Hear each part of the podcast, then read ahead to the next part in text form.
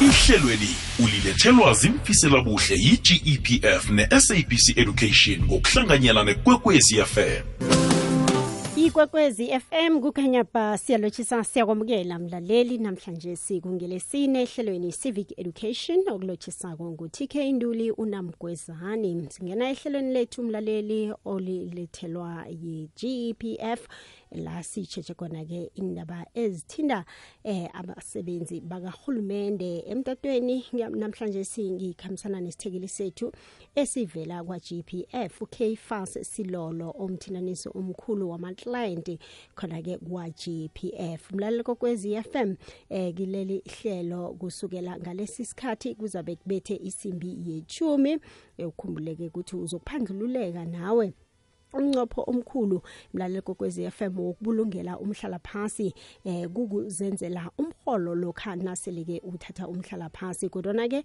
eh, kunengikhathi lapho ke ilunga eh, lesekhe ngithi ke kunengikhathi lapho ke amalunga athatha khona umhlala phasi angakhona ukuthola imali inzalo zonke ngaphambi kwesikhathi sokufikelela iminyaka yomhlala phasi kunesikhathi ke lapho ke iningi lamalunga bafisa bona ke eh nabo ke eh, bangalinganisa nemsebenzi kodwana ke kuqhakathekile bona ke ukhulumisane nomhleli wemali maqangi. Kungakho ke namhlanje simlaleli silethe ihlelo lethu la sizokhuluma khona ke ngomhlala phasi i-retirement ukuthi iyini ngikhambisana nobaba usilolo. Baba usilolo ngiyakuloshisa ngiyakwamukela emhashweni kokwez FM Eh Christy ke ngithokoze ngilotshise kuwe ngiphinde futhi ngilotshise nakomlaleli ahake mzuzini le emfitshazana esisele nayo ingabe iyini i-retirement? Kusihlathululele yini umehluko phakathi kwe-resignation kanye ne-normal retirement?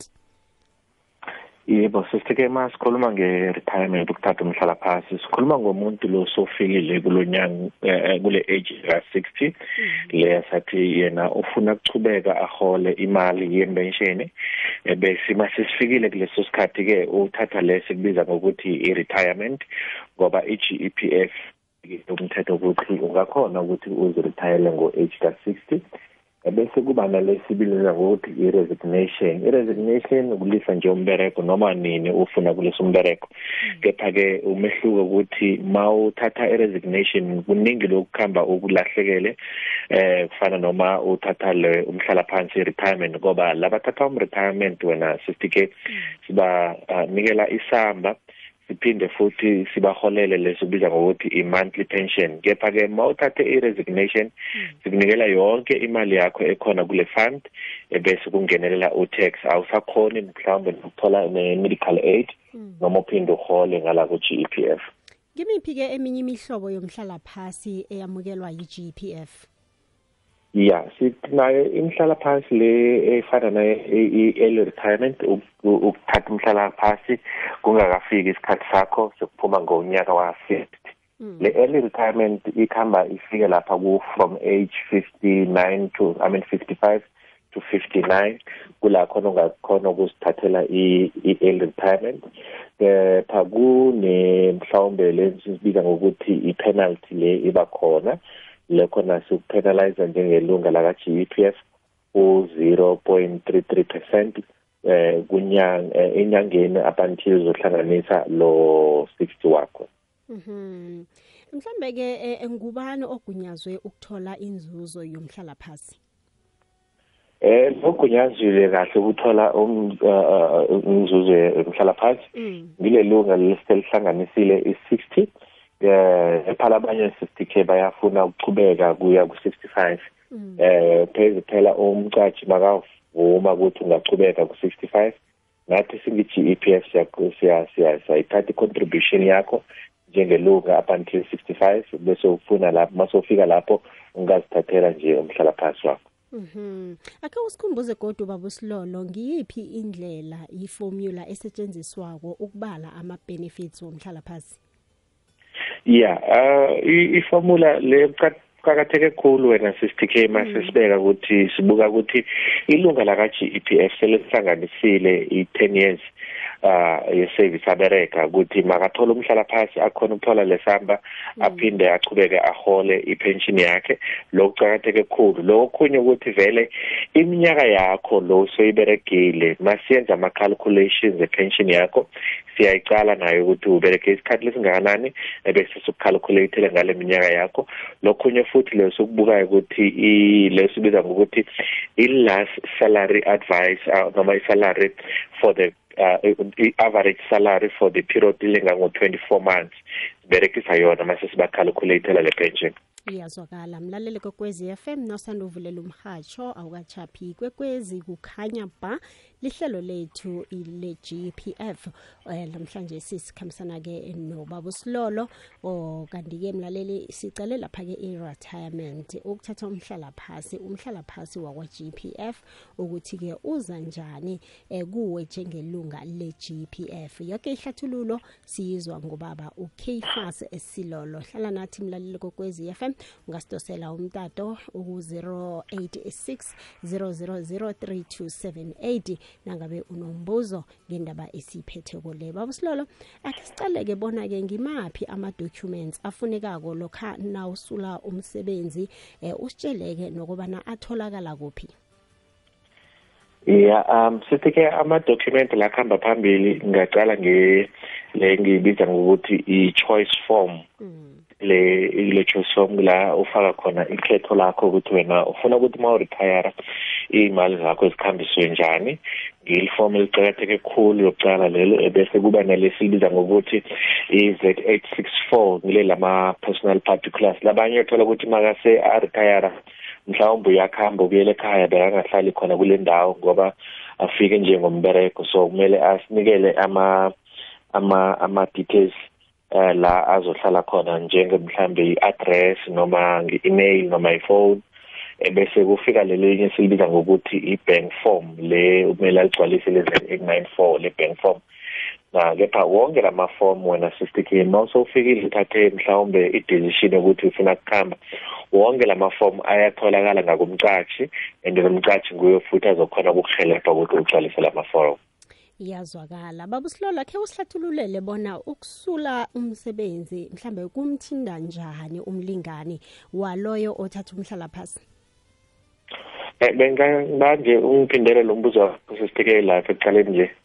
Bengibakubuza ukuthi eh umuntu osula umsebenzi orisinako kumthinta kangangani umlingani wakhe eh lokhanyana naka nakasula umsebenzi? Yakhona kwenzeka ukuthi kumthini ngendlela ngathi eh si right sister ke ngesizathu esifana nalesi sokuthi eh umuntu makasula umsebenzi noma a resign sister ke kuba nama benefit akhamba akulahlekele eh njengoba nakuthi umuntu mangeza ukuthi a resign ebese uyabhubha le spouse sakho asisakhona ukuthola le mali lesibiza ngokuthi i-spouse pension ngenxa ukuthi usukusela ukuthi lo muntu lo akuseselunga la ka-GEPF so bangabhubha resignile i-spouse sakho siyalahlekela kakhulu futhi. Iyazwakala. Khe kukhulunyweke nge-gratuity ne-annuity. Kuyini lokho? Sister ke ngile samba leso sitholayo ma uretire ebese i-annuity kube ngile mali le ozokhona ukuthi uyihole ngenyanga ngenyanga. Manje ke babo Silolo ihlangana njani iminyaka kanye ke neminyaka yesikhathi osebenzileko sepension ya yiloko sikuqala kakhulu wena sisitk isikhathi lo usisebenzileko ukuthi nemali yakho yepension izoba ikhamba injani. So kukhonakala ukuthi lo muntu osebenzisa isikhathi lesi esiningi khulu wena sisitk nemali yakhe yepension iyabuya ibonakale ngathi iba yihle khulu lapho. Eh babusilolo sesizwe isonga ikulumo yethu. Ingabe mhlambe ke kunokujeziswa ebantwini abasula umsebenzi ngaphambi kwesikhathi? Siba ukuthi usinabele lapho. Ya eh laba abasula umsebenzi njengokuresign wena sisitk ah into le eqhakatheke kakhulu umuntu kumele ayazi ukuthi i-SARS noma i-tax yakhe i- iba iba njenge ngasho ngichaze ngithi iba iningi khulu ukungafani nalo muntu lo retire ngoba umuntu lo retire usars uthi u500000 wokuqala la uzothola kule samba sakhe noma le graduate yakhe uSARS angeke awutax kepha ke mawuresigna bese imali yakho itaxeka yonke. So ngumehluko lo uba khona lapho sesike baba silolo kwala sona isikhathi sethu njenganje siba sijamise la ikulumo yethu. Msinyazana ungatshela umlaleli inomboro zomtato la bathola isizo khona. Yes uh bangasithinda la ku 0800 117 669 yiphinde futhi ithi 0800 117 669 noma basibhalele i-email email ethu ithi inquiries at gepf.co.za inquiries at gepf.co.za sithokoze khulu kwamambala baba. Silole ube nobusuku obuhle. Bawaze sisithike ahake mlalele kokwezi FM khumbula iGPF inama regional client service center kizo zolithoba imfunda zesoul Africa kanye nama satellite office alikhomba enzelwe indingo zakho mlaleli. Ukuthola ilwazi elingeneleleko i-gpf inenomboro zasimahla ezithi 0800 117 669 nawudosela inomboro le kusimahla komunye nomunye umtato wetelcom ungathumela i-email ku-inquiries at gpf co za nanyana uvakatshele i-gpf iwebsayithi yabo ithi www gpf co za lapha-ke kutwitter ubathole lapha ku-at gpf underscore sa sithokoze khulu kwamambala kweyawakho indlebe emlaleli nqenqabeze imitato sekwala sona isikhathi umdlalo oragela phambili. Ukhona ubathabile eh, nogamela. Njenganje mina nawe ngithatha zonke indambo ngizitshingisa kibo siza kuhlangana godi ngomvulo. Ihlelweli bewulethelwa zimfisela buhle yi-gepf ipentsheni yabasebenzi bombuso ne-sabc education ngokubambisana nekwekwezi fm